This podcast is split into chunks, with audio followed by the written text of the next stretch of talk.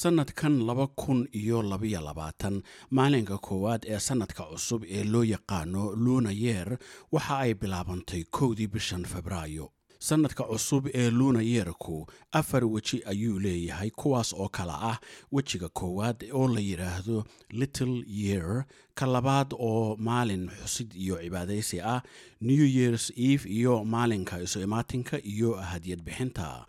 Dabaaldega luna yeerka oo islamarkaana loo yaqaano spring festival waxa uu socdaa shan iyo toban maalmood oo ku eg wejiga ugu dambeeya ee la yidhaahdo lanten festival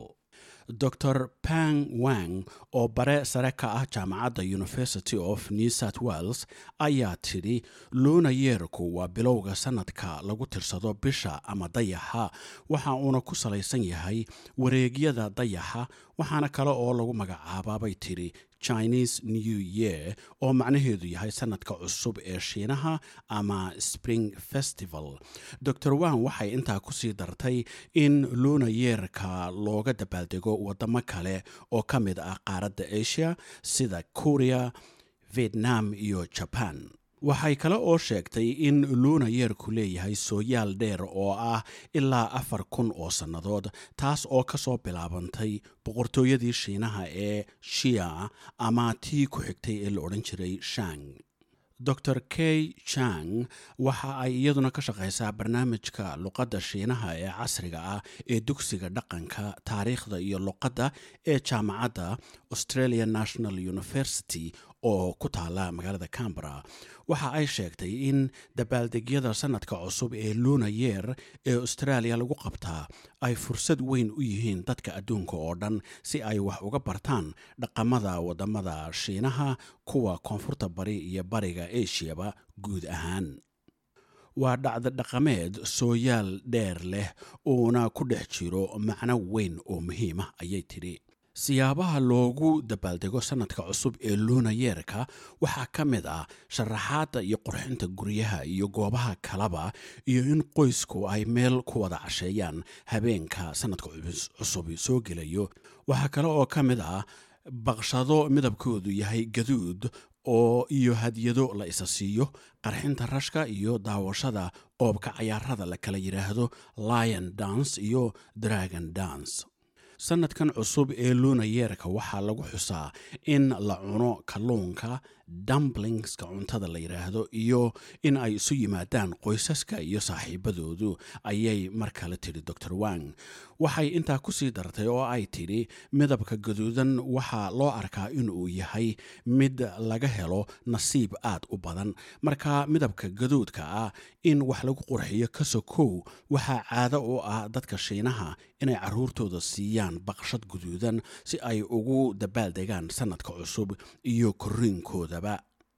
iris tang waxay ku kortay waddanka shiinaha waxayna austraaliya soo degtay labaatan sannadood ka hor. Waxa ay sheegtay in farqiga ugu weyn ee u dhexeeya dabaaldegyada austraaliya iyo kuwa waddanka shiinuhu uu yahay in shiinaha laga galo fasax dheer oo dadweyne oo ku beegan dabaaldega sannadka cusub. Xilligaas oo ah xilli boqolaal malyan oo qofi ay u safraan magaalooyinka ay ka degan yihiin shiinaha si ay ula kulmaan qoysaskooda tang waxa ay rumaysan tahay in cuntadu ay tahay qayb muhiim ah oo ka mid a dabaaldega sannadka luna yeer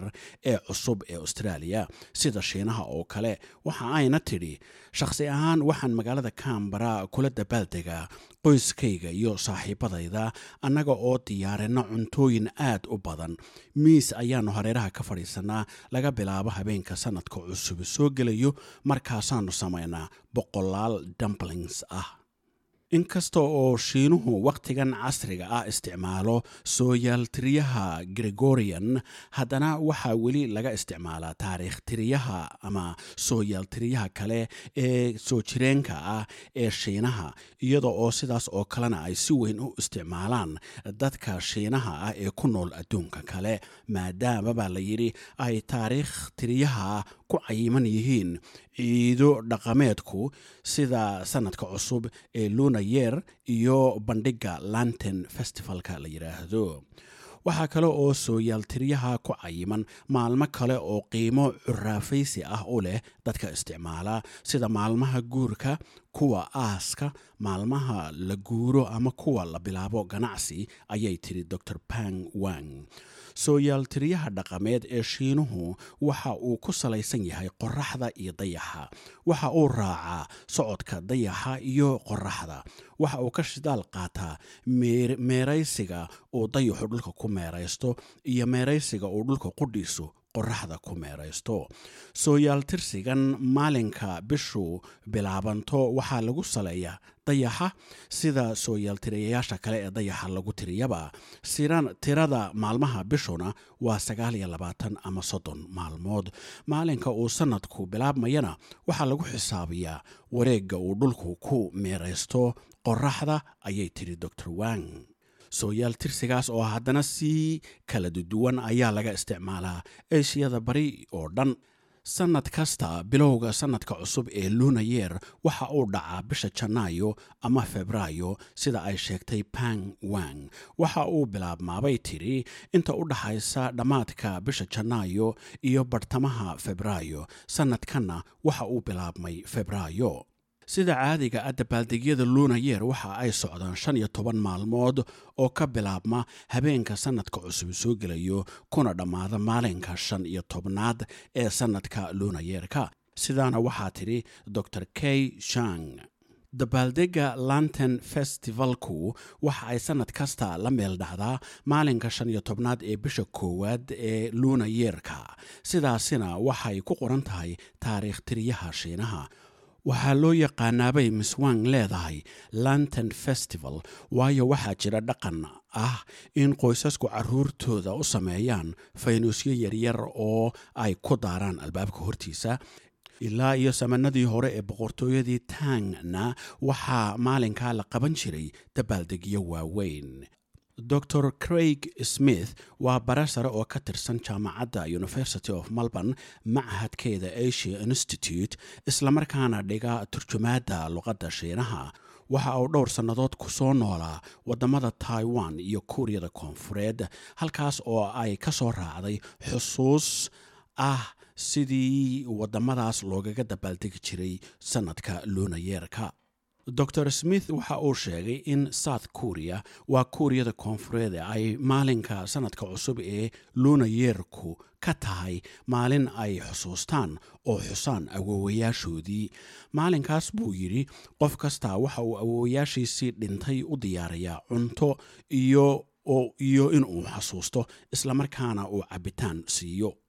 dor smith waxa uu sheegay in ay jiraan waxyaabo badan oo ka mid ah dabaaldegyada soo jireenka ah ee sannadka cusub ee lunayeerka oo ka kala yimid waddamo kale oo aan shiinaha ahayn. Tusaale ahaan buu yidhi libaax cayaaraya qoobka cayaar oo si soo jireen ahaan ah loo soo bandhigo inta ay socdaan dabaaldegyada lunayeerku markay aqoon-yahanadu eegayaan dhaqanka qoobka ciyaarka libaaxa waxa ay runtii ka dhigan tahay inay dib u eegayaan kumanaan sannadood ka hor. Waxaanuna hore u ogeyn in dhaqamo badan sida diimo muusig iyo farshaxan ay ka soo galeen shiinaha dhinaca waxa aynu hadda ugu yeedhno waddamada galbeedka ama bartamaha asia gaar ahaan kuwa ku taxan jiidda caanka ah ee la yidhaahdo silk road ayuu yidhi dor smith waxay u badan tahay in dhaqankani uu ka soo jeedo meelo ka baxsan waddanka shiinaha. Dad badan ayaa la xidhiidhiyey taas dhaqanka bershiyaanka iyaga oo ku saleeyey lafagur lagu sameeyey dhaqan iyo luqad ayuu yidhi muddada u dhaxaysa bilowga lunayeerka ee februarida sannadkan ilaa janaayo waxaa la yidhaahdaa the year of the tiger oo macnaheedu yahay sannadkii shabeelka. Shiinuhu waxay kale oo sannadaha ugu magac daraan magacyo xayawaan. Muddo labayo toban sannadooda ayay labayo toban magac oo xayawaanada ah sannadkiiba mid ugu magac daraan xayawaanka ay sannadaha ugu magac daraanna inagoo u kala horraysaynana u kala horreeyaan waa sidan.